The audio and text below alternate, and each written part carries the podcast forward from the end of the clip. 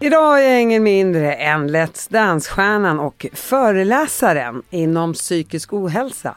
Välkommen hit Sigrid Bernson. Ja men tack så mycket.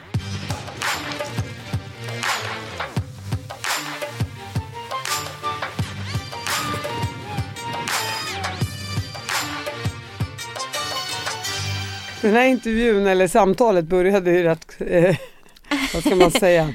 Kaosartat. Kaosartat. Jag tappade lite kaffe och mjölk på golvet och lite sådär. Men eh, välkommen till min värld. Ja, tack så mycket. är ditt liv kaosartat just nu? Du, jag har en ettåring hemma så att det är sällan jag har kläder utan kaffefläckar och matfläckar. Så att det, jag förstår dig precis. Innan vi kommer in på hela din mammaresa och eh, ditt förhållande med eh, din partner i Let's Dance Mm.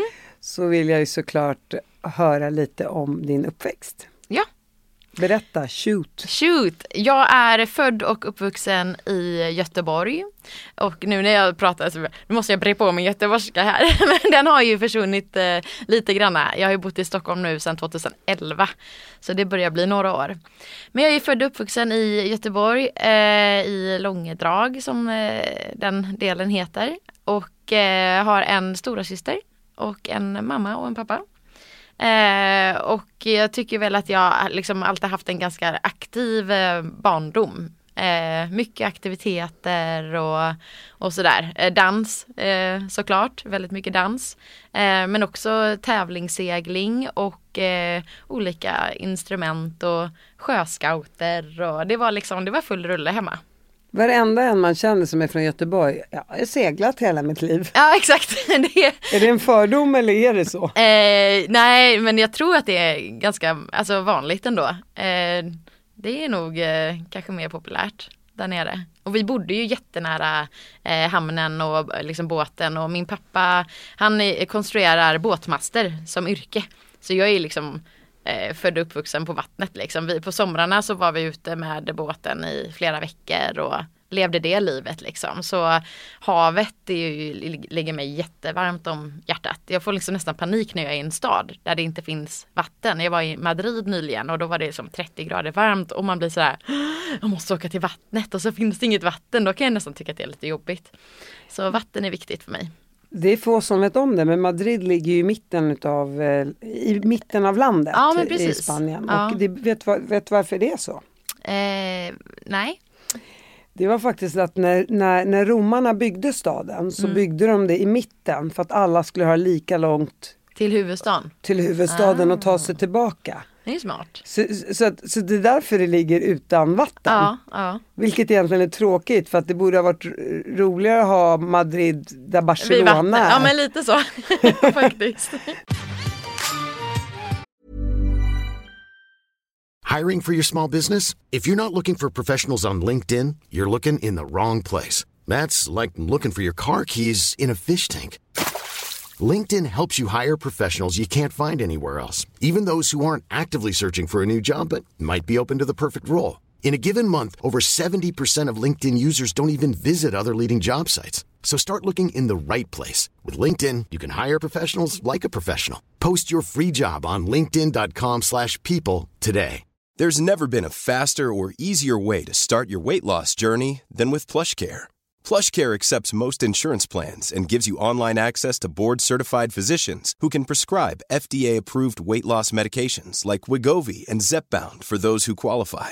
Take charge of your health and speak with a board-certified physician about a weight loss plan that's right for you. Get started today at plushcare.com slash weight loss. That's plushcare.com slash weight loss. plushcare.com slash weight loss. Nej, vad, din pappa jobbar med det och vad jobbar mamma med då? Mamma eh, har jobbat som specialisttandläkare och även doktorerat inom eh, tandvårdsrädsla. Eh, och sen handleder hon andra nu eh, som doktorerar och sådär. Min syster forskar på cancer och har doktorerat och hennes man har doktorerat inom Alzheimers. eh, och jag dansar och sjunger. så det är liksom lite så stående skämt att jag, ja, jag har inte riktigt följt mallen för familjen då. Men Du fick den estetiska ådran ja, men lite så. och åran. Eller? Ja, ja exakt. Men eh, då, då känns det ju ändå lite som att du kommer från en bra familj, trygg uppväxt, eh, många kompisar. Ja, men det måste jag nog säga. Livet ja. lätt som en plätt. Ja, väl, vi har väl liksom alltid fått, jag tyckte det varit bra för vi har, eh, vi har alltid fått kämpa för, för det vi har velat ha. Det här liksom med att eh, vi fick eh, sälja jultidningar och sälja scouternas ljus och liksom eh, om man nu ville ha en tv på sitt rum liksom. Det var inte så att eh, mamma och pappa kastade prylar på oss utan första mobiltelefonen och sådär fick vi ändå spara ihop till själva. Men sen har de liksom ändå hjälpt oss med eh, liksom det som varit viktigt och liksom men jag tyckte det varit väldigt liksom bra på, den, på det sättet. För man har ändå lärt sig liksom att man, hur man ska ta hand om sig själv och sådär. Man får ingenting gratis. Man får inget gratis men, men jag menar de hjälpte mig med min första lägenhet uppe i Stockholm. Jag menar sådana saker som, det, det, det var ju helt fantastiskt. Men jag menar att det var en bra balans liksom på eh, ja, på att få är, saker när jag var här, liten. Ja och det är också när man blir vuxen och har visat att man kämpar och försöker. Det är klart ja. man försöker hjälpa till om man har råd. Eh, jo, att men, ge sina ja. barn en push. Ja, men precis. In i framtiden. Eh, en, en, stabilitet, någon mm. stabilitet. Mm. Och det är ju inte att kasta pengarna i sjön. nej, sätt. nej, så är det ju. Eh, och eh, när började du med dansen? När jag var tre. Oj! ja, men då började jag med ballett Eh, och det var min mamma som satte mig i ballett. Jag var tydligen ett barn som hade mycket energi. Eh, och eh, hoppade och studsade runt liksom så att hon, hon tänkte att hon behöver nog dansa. Eh, och det var ju helt toppen. Jag älskade att dansa när jag var liten och dansade sen massa olika dansstilar.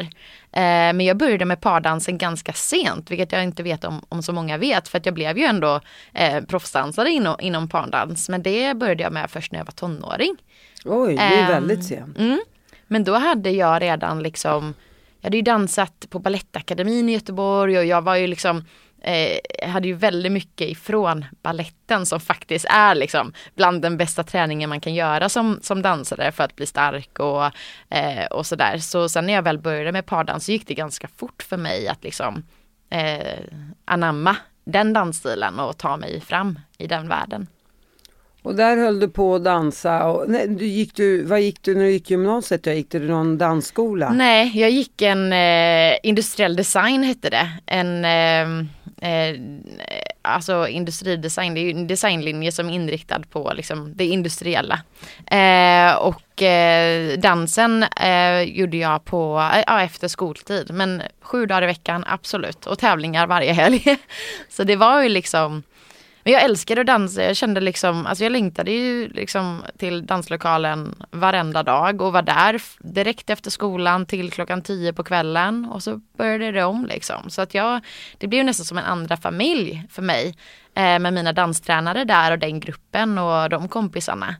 Um. Och killen du dansade med, blev ni kära i varandra? Nej, jag har faktiskt aldrig blivit ihop med någon av mina danspartners eh, när jag tävlade.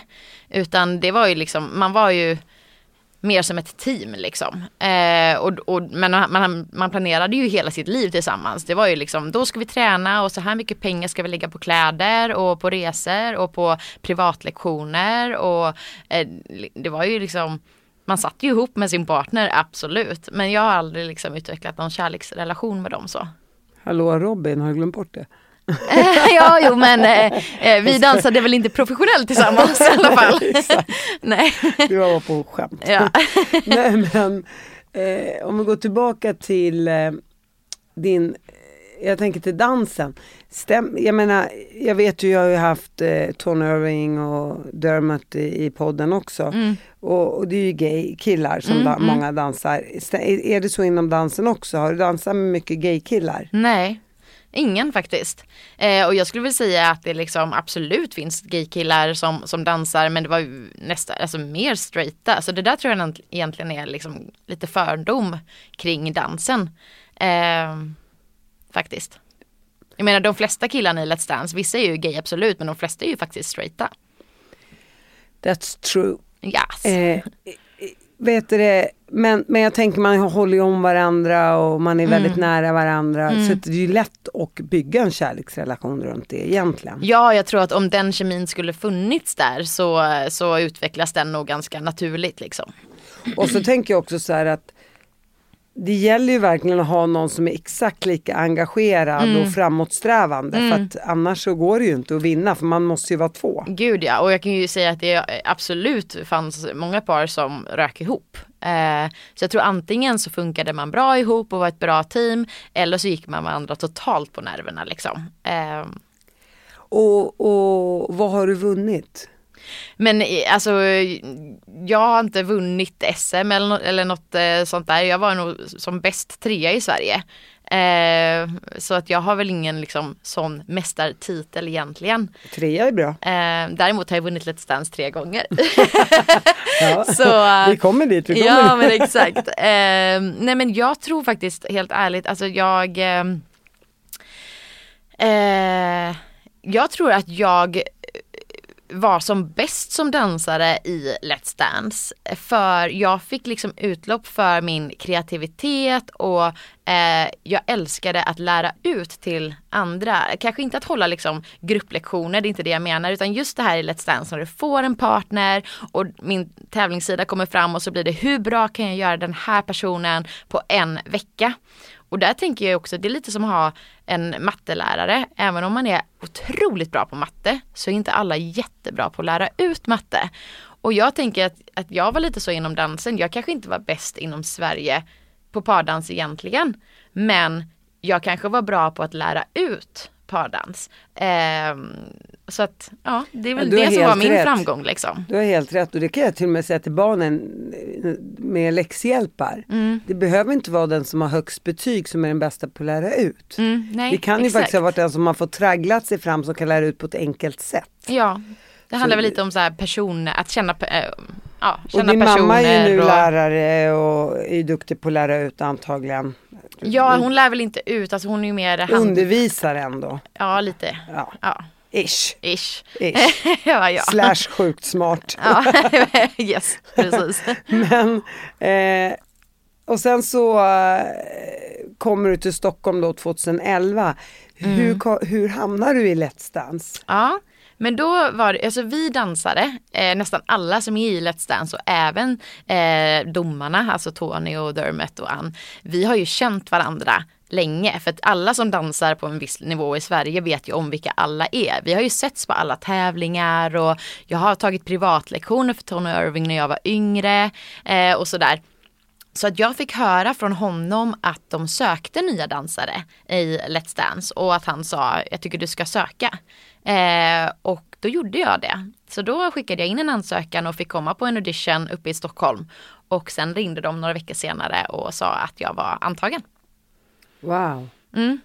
Och det, blev ju, det är ju en resa för så här, nu ska du filmas och vara med i tv. Och, Ja men det är ju en helt annan eh, grej och man har ju aldrig liksom, eller jag hade ju aldrig dansat i någon livesändning eller för två miljoner tittare och sådär. Så att första liksom eh, i början det var ju ett jättestort ansvar och, och så ska du ha ansvar för din eh, partner då. Eh, att den personen eh, är lugn och inte nervös och om den kommer av sig så är det mitt ansvar att komma in igen i musiken och sådär. Så att jag menar, jag var ju minst lika nervös som min danspartner de första dans danserna i, i sändning, absolut. Men, men det, blev, det lärde man sig ju också liksom. Så då kan man säga att ditt, ditt första Let's Dance-år var 2011. Ja, det var det. Du körde fram till 2019 Ja, jag hade uppehåll två, en eller två säsonger. för Eh, att? Ett år hade jag uppehåll för att skriva musik och ett annat år hade jag uppehåll för att själv tävla i Melodifestivalen. Hur var det? Skrev du den låten själv? Ja, den skrev jag med Peg Parnevik och Josefin Glemmark. Vad roligt. Ja. Och hur gick den nu igen? Jag är helt borta Eh, den går I'm gonna lift you up just like Patrick Swayze. Patrick, ja ja, Dirty Dancing. Jajamän, vi tog lite, det var kul för att eftersom att jag ändå var mest känd kanske som dansare så var det kul att liksom få med sig det in på scenen och vi gjorde ett liksom väldigt dansigt nummer och sådär. Så för mig kändes det helt rätt. Tänker du att du vill vara med i Melodifestivalen igen? Ja men det hade varit eh, jättekul. Eh, verkligen och kanske nu också när jag har lite mer kött på benen även att stå på scen och sjunga för att när jag kom med i Melodifestivalen så hade jag eh, inte ens haft mitt skivkontrakt i ett år. Jag hade aldrig sjungit inför en så stor publik och så helt plötsligt så stod man liksom på melloscenen inför ännu mer tittare och skulle prestera. Så det är klart att liksom, jag är sjukt stolt över mig själv att jag axlade den rollen och gjorde det. Men hade jag fått göra om det idag så tror jag liksom att, eh, ja, men att jag kanske hade njutit mer av det och känt mig lite mer självsäker. Det kommer Sigrid, jag Ja. lovar. Du får ligga på dem lite. Men jag har skickat in ett bidrag i år. Ja, men, kul. eh, ja men det har jag faktiskt. Men jag tror, jag tror att de flesta har blivit uttagna redan. Eh, som ska vara med. Så att,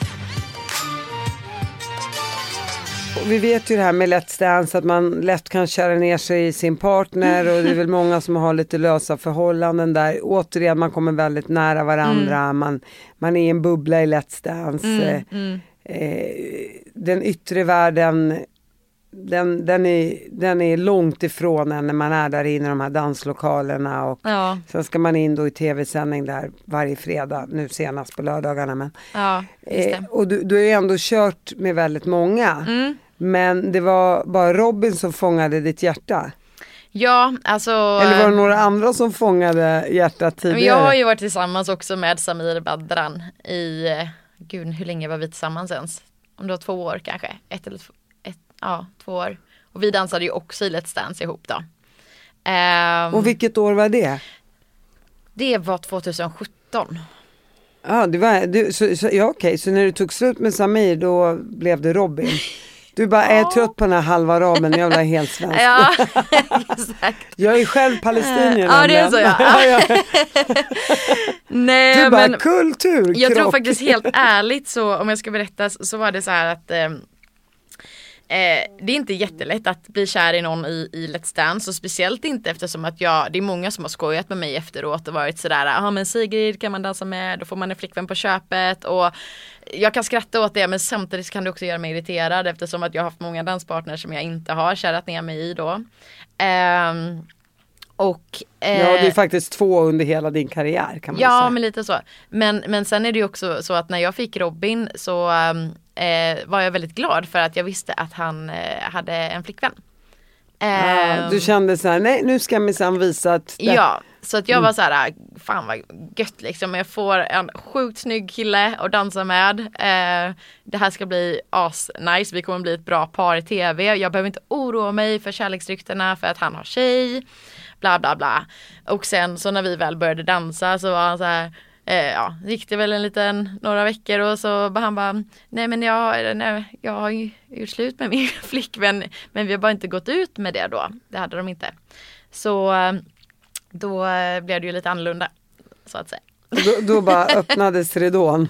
Nej men jag egentligen, jag var väldigt så eh, Jag tror faktiskt både jag och Robin kom ju från varsitt förhållande och var nog egentligen inte alls sugna på att gå in i ett nytt förhållande. Och det är eh, ja men du vet man, man var i den liksom stunden då man kände så här nu ska jag eh, eh, satsa på mig själv och han ville satsa på sig själv och, och även sin son då ville.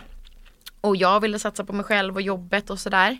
Och då så, men så tror jag liksom att vi började liksom att, att eh, tycka om varandra men eh, att man liksom Ja men du vet man har träffats en hel dag i träningslokalerna och så åkte vi hem var och en till sig och sen så satt vi och snackade Facetime i tre timmar och knäckte en öl varsin öl. En jag knäckte en öl hemma hos mig och han en hemma hos honom och så satt vi bara och pratade om allting och så var det så uppenbart att vi trivdes med varandra och ehm, Var det här efter några veckor eller var det från dag ett? Nej inte från dag ett Nej. utan efter några, liksom, när tiden, Veckor.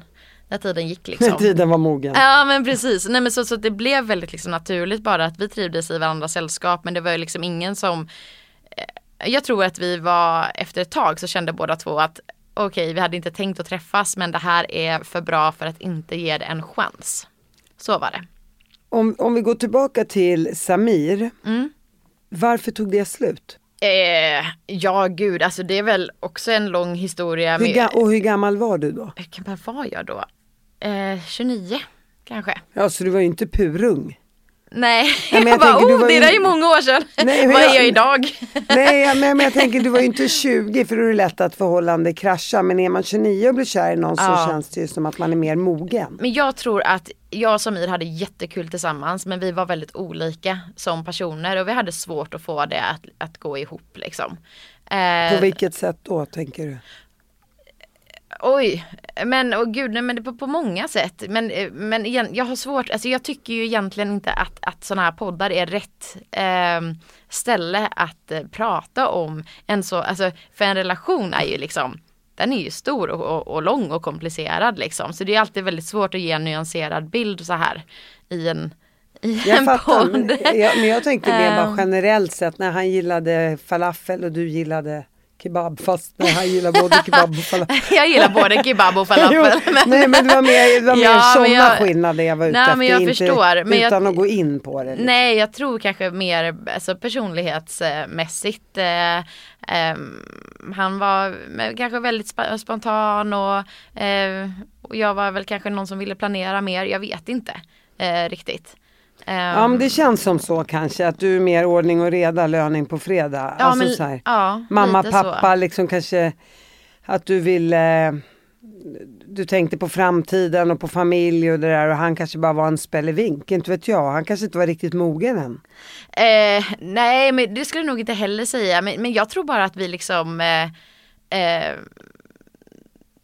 vi, ja men vi bara klick, vi, det funkade inte i längden. Förstår du vad jag menar? Alltså vi, var, vi, var, vi hade skitkul tillsammans. Eh, men man kan inte heller ha kul bara i ett förhållande utan det måste kanske också funka mer i vardagen och där hade vi svårt att få det att funka. Ja, jag förstår. Nej men, men så är det ju den ena, och så kanske man, man har olika visioner. Ja, Men, det är så länge sedan också så Ja, helt jag vet. ärligt jag försöker tänka Nej. tillbaka och bara eh, hur tänkte jag men jag vet faktiskt inte riktigt.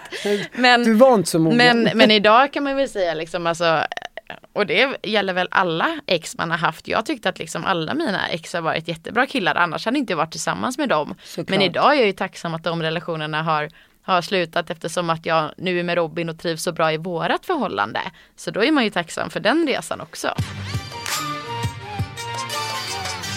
Och sen då hoppar vi tillbaka till då Robin. När känner du Wow Alltså shit, jag är ju kär i den här killen. Oj, Och när märkte de i Ah. produktionen det? För du vill väl försöka mörka det kan jag tänka ja men produktionen visste ingenting om det faktiskt. Vi gick inte ut med det förrän julen liksom mot 2020. Ah, så ingen ett par. märkte någonting?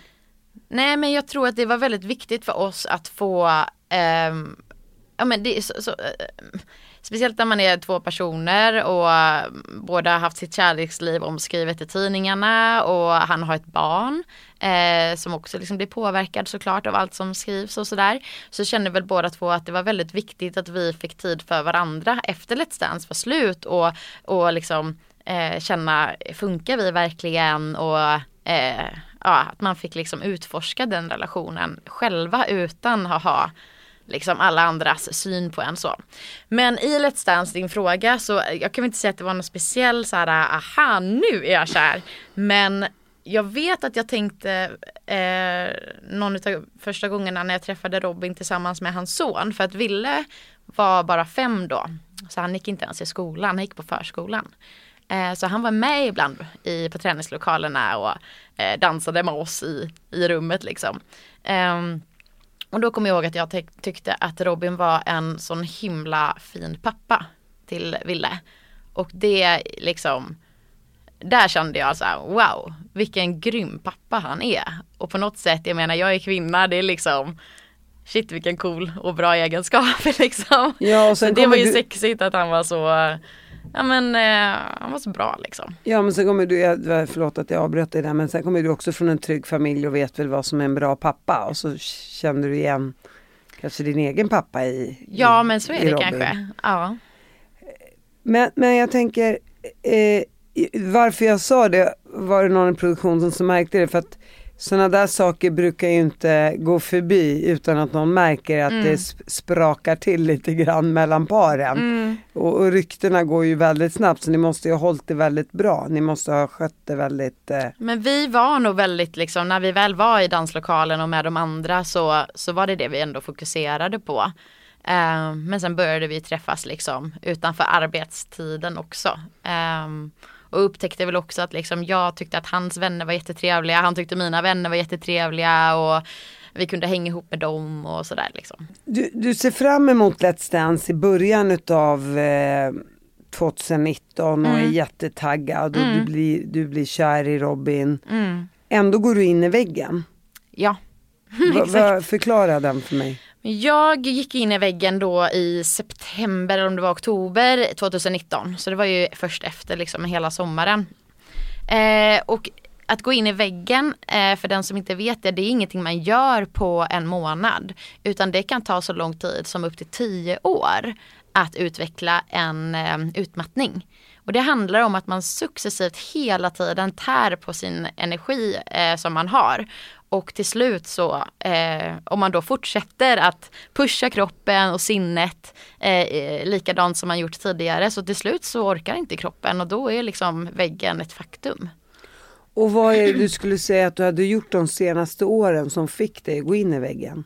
Väldigt eh, mycket olika saker men absolut så jobbade jag ju stenhårt. Eh, alltså förutom Let's Dance så var jag ju med i Tobias Karlssons eh, Dansikaler. Eh, jag hade pluggat tre år på Kalle Flygare, en teaterskola. Jag hade läst ett år på SAE, musikproduktion. Eh, jag hade mitt skivkontrakt och Melodifestivalen och på somrarna så gjorde jag 40-50 spelningar. Um, satt liksom sena kvällar i studion och gjorde musik och så på det så gjorde man uh, allt jobb med företaget och sen även eh, så växte ju sociala medier den här tiden och jag började jobba mer och mer med sociala medier, det vi idag kallar för att vara influencer. Ett jobb som egentligen bara liksom föll mig lite i knät eftersom att hela den branschen växte fram då.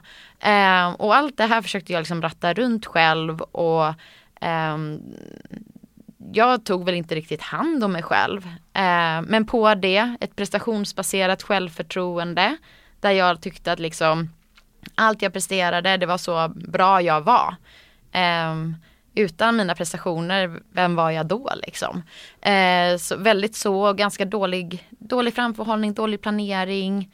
Eh, och absolut sjukt dålig på återhämtning. Kunde dina föräldrar se den här resan? Mm, alltså mina föräldrar är också väldigt eh, hårt jobbande eh, personer. Eh, och eh, liksom alla i min familj, jag menar när vi har haft helg eh, när jag varit liten då har det alltid varit liksom på med arbetsbyxorna, nu ska vi spackla i källan och liksom mina föräldrar eh, skulle nog också behöva lära sig mer om återhämtning. Eh, men jag vet att min syster eh, flera gånger konstaterade att eh, hon upplevde att jag jobbade för mycket men också att jag var men liksom, jag orkade liksom inte lyssna på hennes problem. Jag bara pratade på mig själv och mina saker och mina problem. Och det är ju ganska typiskt också att man blir väldigt liksom självcentrerad eh, och liksom eh, körde på liksom i min egna lilla bubbla. Och när kraschade det då? Det kraschade ganska olämpligt för mig faktiskt för jag tackade ja till att åka ner till Love Island för TV4 och eh, Eh, lära de paren som var där nere i den villan då att eh, dansa. Vilket var ett otroligt roligt jobb och jag tackade ju ja på studs liksom. Fan vad kul jag ska flyga till Grekland i tre dagar liksom. Eh, det är egentligen inte jobbigt om man, om man säger så. Men det handlar ju inte om det. Eh, så det, det började med att jag försökte packa min väska eh, och stod och fick liksom eh, total blackout och liksom vis, visste inte hur man packade en väska, förstod inte vad har man med sig.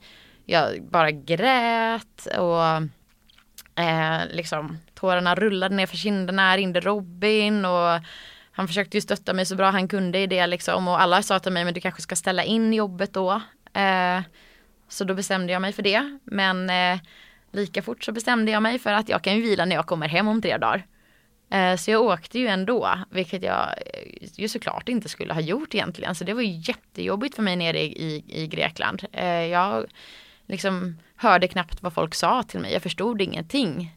Konstigt så, så lyckades jag jobba och prestera jättebra, för det är precis som att när man när du, alltså även om du har en utmattning, skulle det komma ett lejon då springer du. Alltså det är lite sådär, det, när jag väl gick in och skulle prestera så var det som att min hjärna fortfarande fungerade. Men så fort jag inte gjorde det så var det bara ett kaos i, i huvudet. Det var sen, bara en dimma. Ja, dimma och jag, jag, men jag, jag, jag fick ju ringa Robin på Facetime på i Atens flygplats och han fick liksom guida mig via skyltar och sånt som jag filmade vart jag skulle. Så först visste inte hur jag läste en flygbiljett. Alltså det var jättehemskt. Och så direkt hem då och så in till en vårdcentral i, här hemma.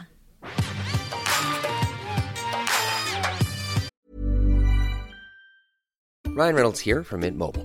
Med priset på nästan allt som går upp under inflationen, trodde vi att vi skulle bring våra priser down. So to help us, we brought in a reverse auctioneer, which is apparently a thing.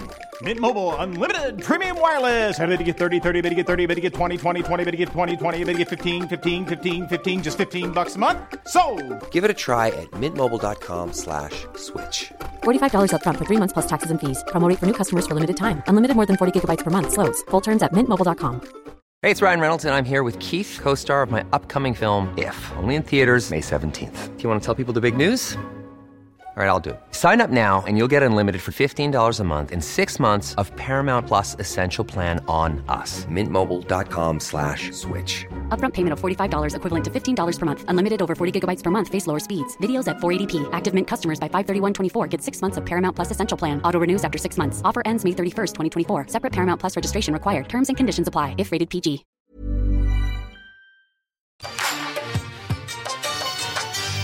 Det här var alltså hösten 2019. Mm. Och det är ju svårt att förstå för någon som inte har sprungit in i väggen. Mm. Men, men jag förstår känslan av att batteriet är slut.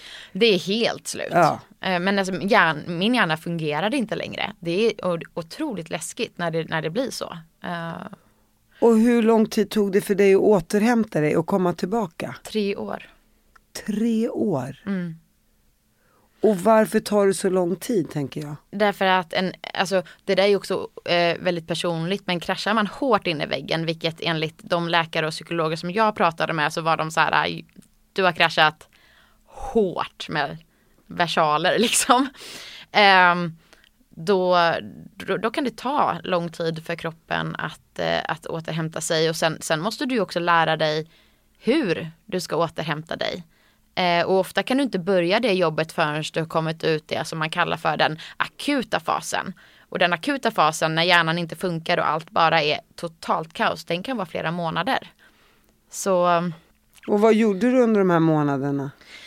jag, eh, ja, men jag hade ju eh, en otrolig tur som hade Robin vid min sida. Jag eh, tror inte att jag hade varit så här frisk idag om jag inte hade haft honom. Och han är ju helt fantastisk. För under den här perioden när jag, när jag kraschade, då köpte vi ett hus tillsammans.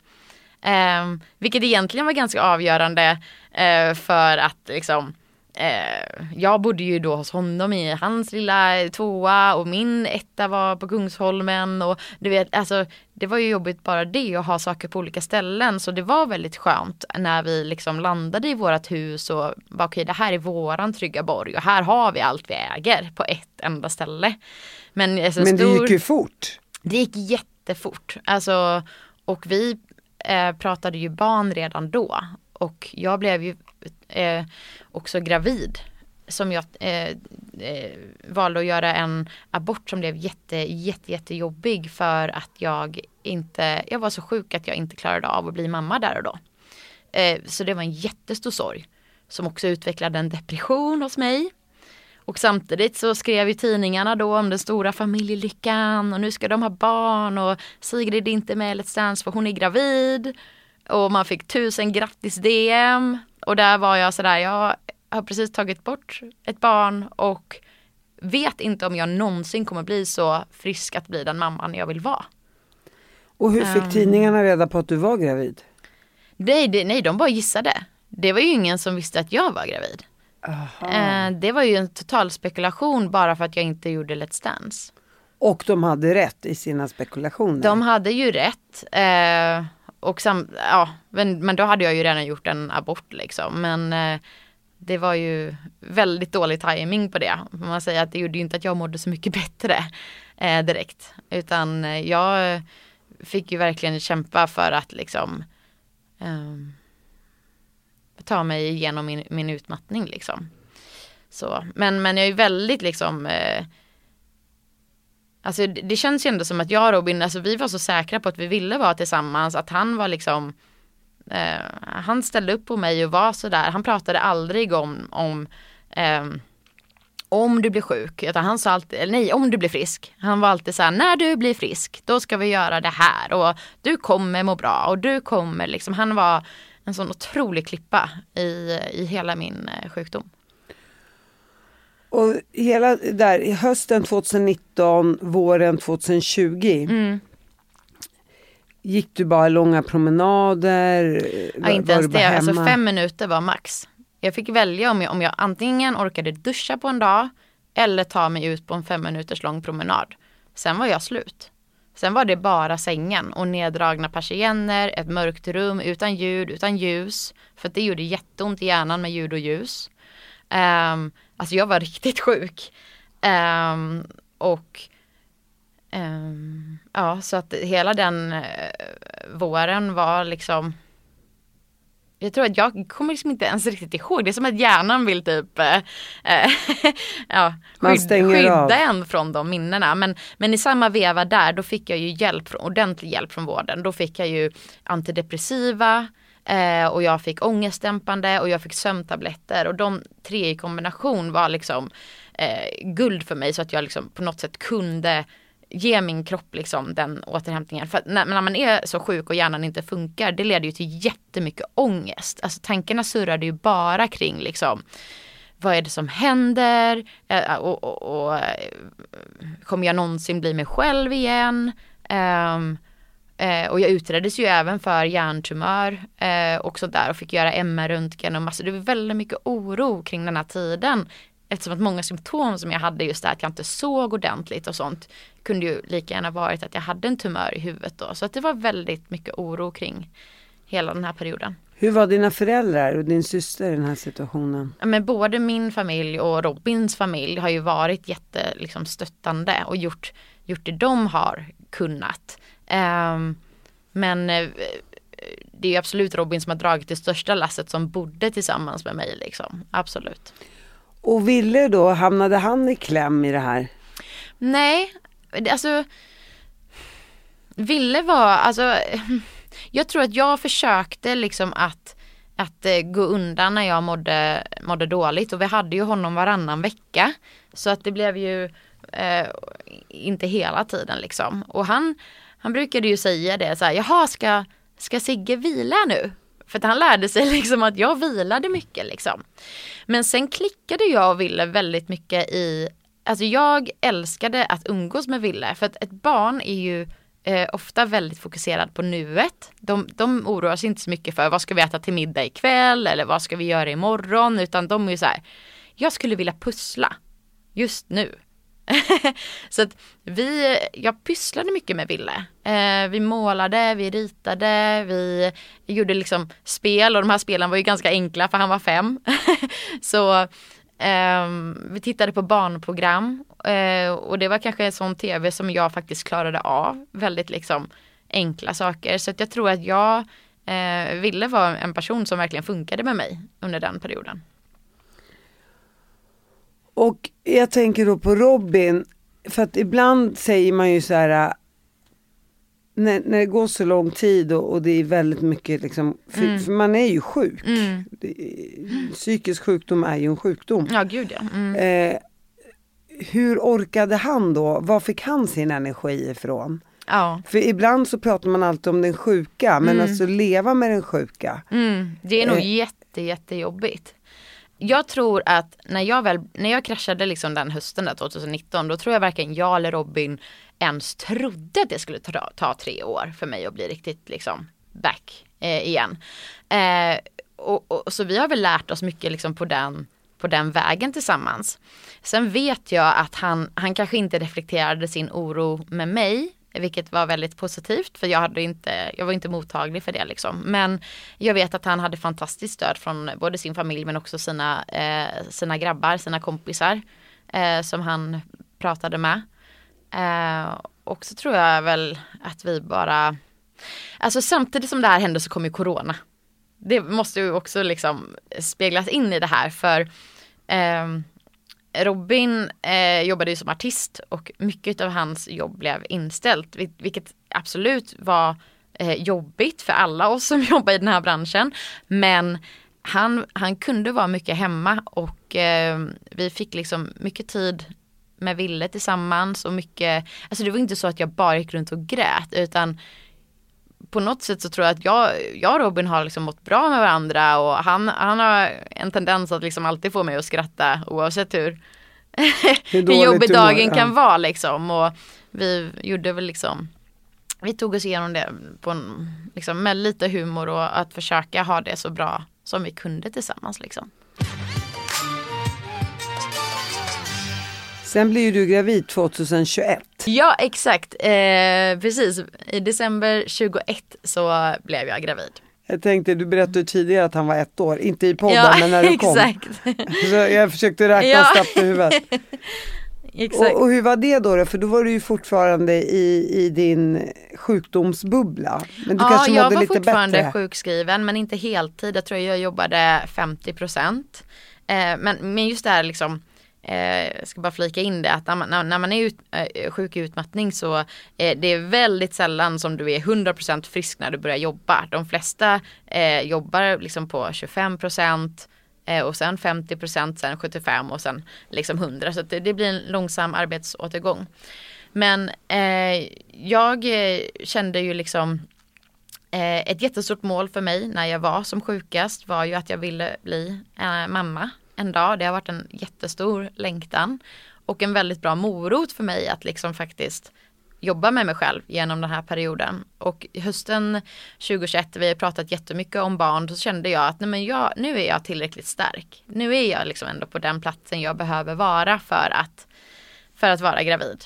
Eh, och vi hade ju väldigt tur att vi, eh, eh jag blev gravid jättesnabbt liksom. Eh, så det var ju skönt att vi slapp, slapp eh, vänta med det då.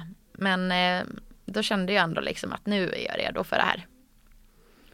Och hur går graviditeten och hur mår du under graviditeten? Ja, jag kräktes fram till vecka 20 så att början var tuff.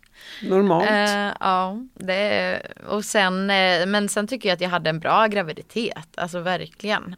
Um, du började återhämta dig och det kändes ja, bra. Ja, och jag skulle säga att jag har de här liksom, den här extra boosten utav hormoner som man kan få som kvinna liksom. Jag tror att jag mådde liksom som allra bäst när jag var eh, gravid. Eh, för, och, och, även precis när jag hade fött Viggo för man får så mycket liksom utav de här eh, extra hormonerna för att man ska orka och vara vaken på nätterna och vad man nu ska göra liksom. För det var jag jätteorolig för i början. Jag sa ju till Robin, du måste vara ledig i två månader från det att Viggo kommer.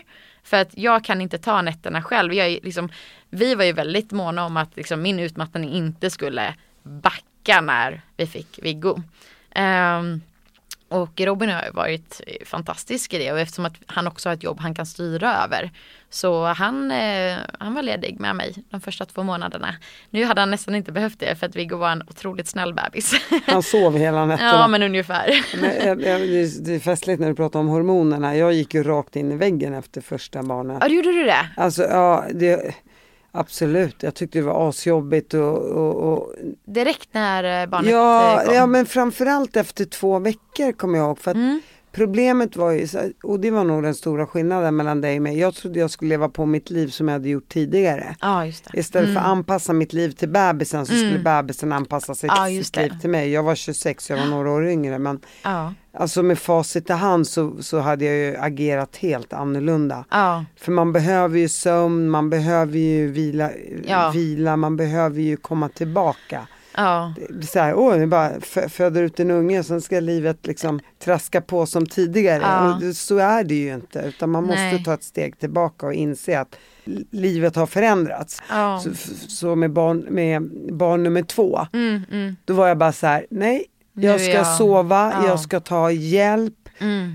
Eh, och då, fix, då, då hade jag faktiskt barnflicka också, det hade jag i och för sig med äldsta sonen också efter sju månader när jag insåg att nej du kan inte göra det här helt själv. Mm. Och sen hade vi råd och så tänkte jag why not, sluta Mm. spela Bror Duktig när du inte är det. Liksom. Nej. Eh, behöver man eh, hjälp så behöver man. Ja, Vissa klarar det bättre än andra men med, i alla fall med barn nummer två så vet jag att när jag hade ammat 06.35 på morgonen så kom barnflickan in redan Mm. halv sju på morgonen. Jag, och, eh, och så sa jag bara, ta ungen, jag behöver somna om. Mm. Och så sov jag typ till halv elva och sen var jag pigg nog Mm, och, och kunna mm. ta hand om, om mitt barn. Mm. För att jag hade inte fixat det annars. Nej. Jag tänkte jag tänker inte gå i samma fälla som med barn nummer, nummer ett så Nej. att säga. Och det finns ju inget rätt eller fel. Alltså jag tror liksom Alltså man kan ju, alla kan ju inte göra på samma sätt utan eh, en mamma känner ju vad som är bäst för sina barn och för sig själv. Och, Eh, och, och verkligen. just den här grejen, jag måste vara pigg i huvudet. Mm. Jag kan inte Nej. jag, jag kan inte ha massa demoner i huvudet och demonerna fick jag av när jag var trött. Mm, mm. Du vet, Ja. då börjar man liksom tvångstankarna flyga omkring Ja. i huvudet. Man bara wow, man var ju rädd för sig själv. Ja. Så tänkte jag, jag ska jag hamna här? Jag har aldrig varit här i hela Nej. mitt liv. Nej.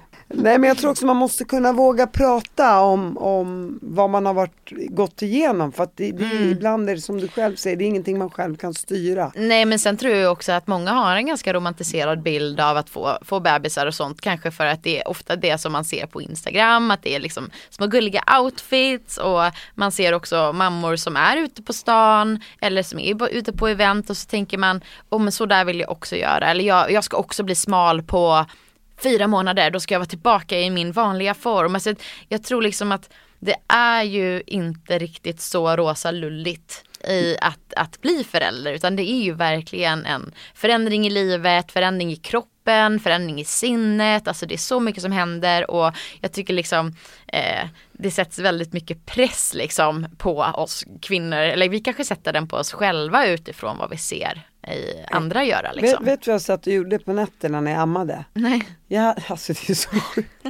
Jag hade så här påsar med daimkulor i. Ja. Alltså så här 200 gram daim, alltså det var stora påsar. Så att jag hällde så här ja. medan jag amma. Alltså, Du behövde energi. Nej men Ja. alltså vem gör så? Ja, men jag tycker man får göra så. Men så kommer jag också ihåg, eh, nu var, jag berättade att jag var på den här festen efter två veckor men, men, men fram till den festen, Mm. eh, även om jag då skulle leva på mitt liv så, där, så, så kommer jag ihåg att du vet allt var så nytt. Mm. Och man skulle byta blöja och du amma och byta blöja, amma, amma, byta blöja, byta blöja. Så dagarna bara gick, du Mm. vet. Och jag bara kände så här, jag hade inte ens gått ut genom dörren första Nej. två veckorna då, Mm. innan den här festen som jag inte borde ha gått på, men strunt samma. Eh, och jag vet, efter två veckor så lämnade jag min son i, i en sån här rullbar säng. Mm. Så sa jag bara till min man, nu tar du honom i tre timmar för annars blir jag galen. Mm. Du vet. Så gick jag ut ner på stan, det var vinter, jag kommer ihåg snöflingorna och sådär. Mm. Och jag kommer ihåg att jag kände mig så fri i bara några timmar. Jag bara, "Åh." det var nästan så att jag ville liksom slicka marken när jag Ja. gick på. Det var så sjuk känsla. Nej men, eh, Men det, det- det blir ju så. Och jag menar jag och Robin vi delar ju nu på, på föräldraledigheten. Men absolut den som har varit hemma en hel dag med, med ett litet barn det är ju som att vi krigar om vem som ska få åka och handla på ICA. Det är så här, jag handlar på ICA idag. man vill bara komma liksom. därifrån. Men för att man behöver en liten andningspaus eller bara få ringa ett samtal, prata med någon, med någon annan eller göra någonting annat liksom. Det blir ju, har man ett litet barn så är det ju den som är första fokus och en själv kommer ju alltid i andra hand. Och det gäller ju allt att få gå på toaletten eller äta eller sova, alltså det är ju så. Tillbaka till dig, men det är ändå intressant det där för när du bara, ja jag fick så mycket energi. Jag bara, vad skojar du med mig? Ja men det är ju roligt, men jag tror att det är jätteolika liksom. Ja, såklart. och vissa får baby blues och vissa får det inte och Jag, sådär. jag kanske fick någon sån Ja. där knapp, åd, knapp grej. Ja, men jag åt ju fortfarande mina antidepressiva då och det sa ju faktiskt min läkare till mig att så här, fortsätt med dem så att du i alla fall liksom minimerar risken för baby blues och, och sådär liksom. Så det är möjligt att det också hjälpte mig vara mer stabil. Jag skulle precis fråga dig, åt du antidepressiva allt det där under graviditeten? Påverkar inte det bebisen i magen? Nej, inte den, eh, den medicinen som jag åt då. Det, Sertralin heter det. Det är den typ mest, eller en av de mest vanliga antidepressiva. Eh, Men det äter jag faktiskt inte längre. Jag har bytt märke nu till, en, eh, till ett bättre märke tycker jag. Ja. Ja. Och, och hur känns nu mammalivet med en ettårig son Viggo? Mm. Och hur går det med syskonen Ville och Viggo?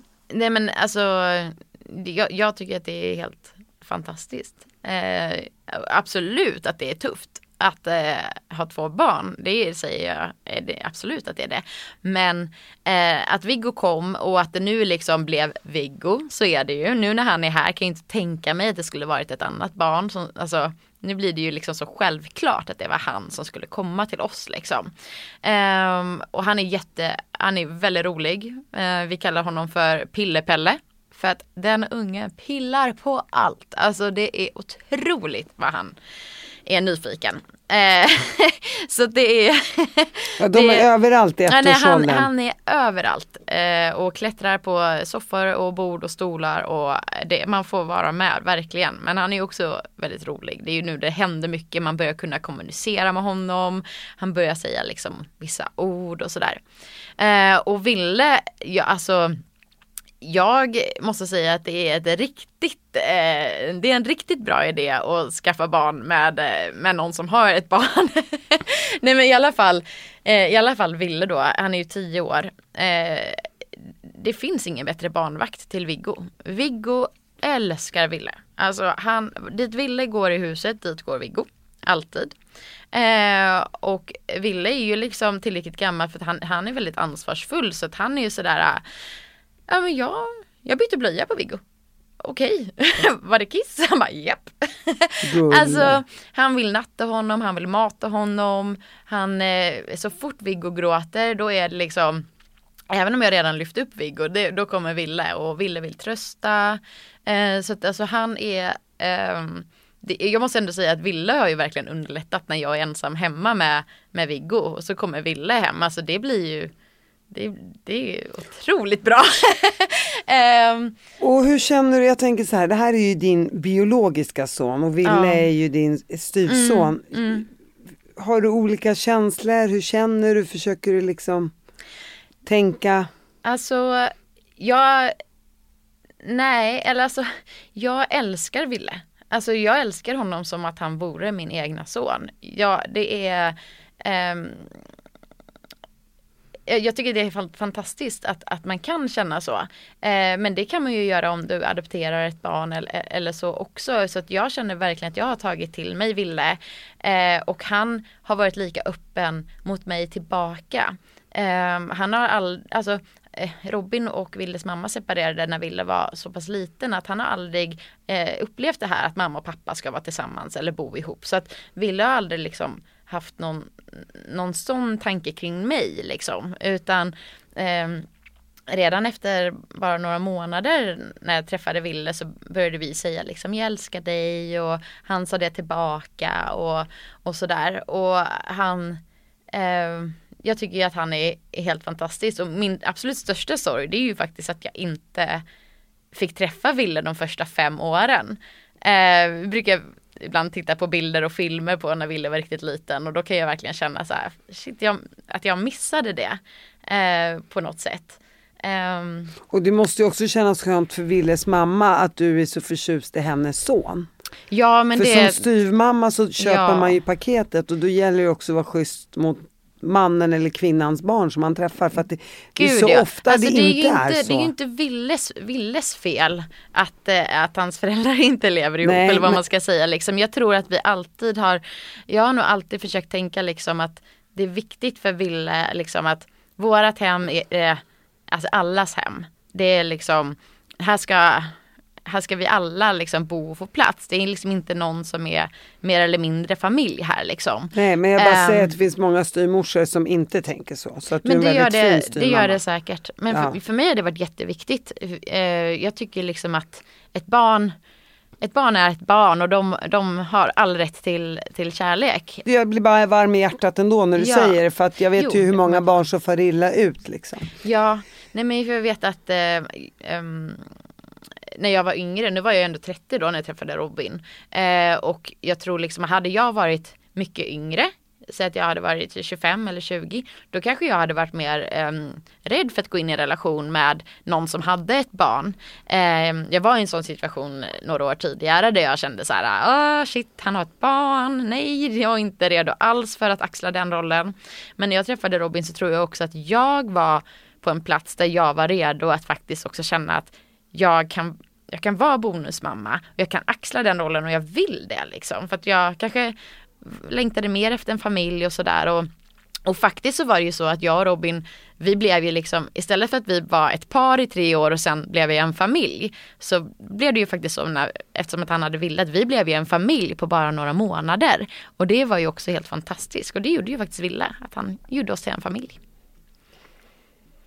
Nu föreläser ju du om psykisk ohälsa på skolor. Ja men jag har gjort det. Ja, och hur grann. känns det då? Vad får du för respons av eleverna?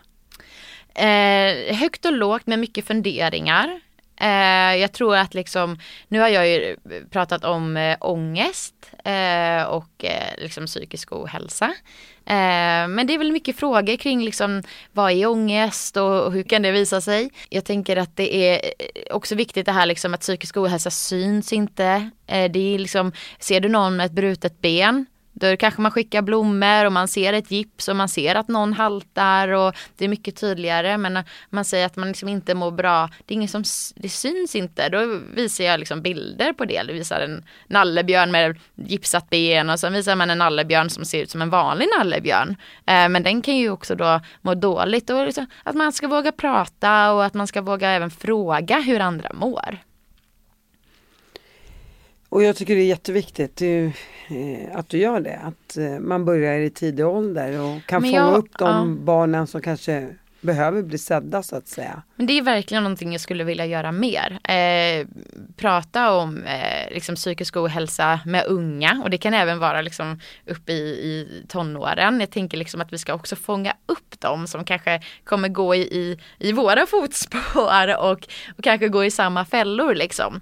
Eh, tror, jätteviktigt att vi börjar prata och även nu när vi har så mycket, det är ju väldigt liksom mycket forskning som säger liksom att barn, eh, barn mår inte jättebra idag. Psykisk ohälsa faktiskt eh, eh, går ner i ganska unga eh, åldrar.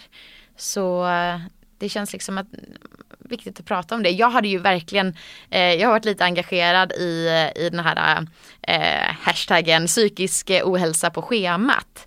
Ehm, eh, som eh, egentligen eh, handlar om att vi har liksom, eh, vi har ju idrott på schemat och vi har sexualundervisning men att vi kanske också skulle prata om den inre hälsan och ha det som ett ämne i skolan. Och det är någonting som jag... eh, Psykologi helt enkelt. Psykologi eller snarare liksom eh, alltså inre eh, vad, gör, vad, vad gör man med, med om, om man har eh, dåliga tankar eller dåliga känslor eller känner sig nere eh, och sådär. Alltså den inre hälsan. Alltså, det handlar ju inte bara om att spela spökboll och vara bäst på fotboll och att, och att det är hälsa idag utan hälsa är ju väldigt mycket hur vi mår.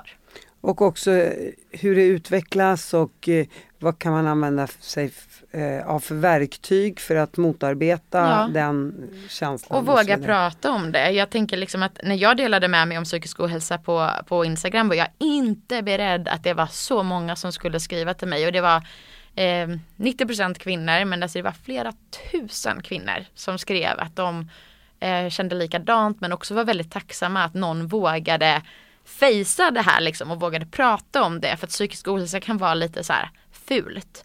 Men det tycker inte jag att det behöver vara. Absolut inte och det drabbar oss alla på ett eller annat sätt. Exakt. Tack för att du kom hit och delade med dig. Ja men tusen tack. Tack Sigrid, tack.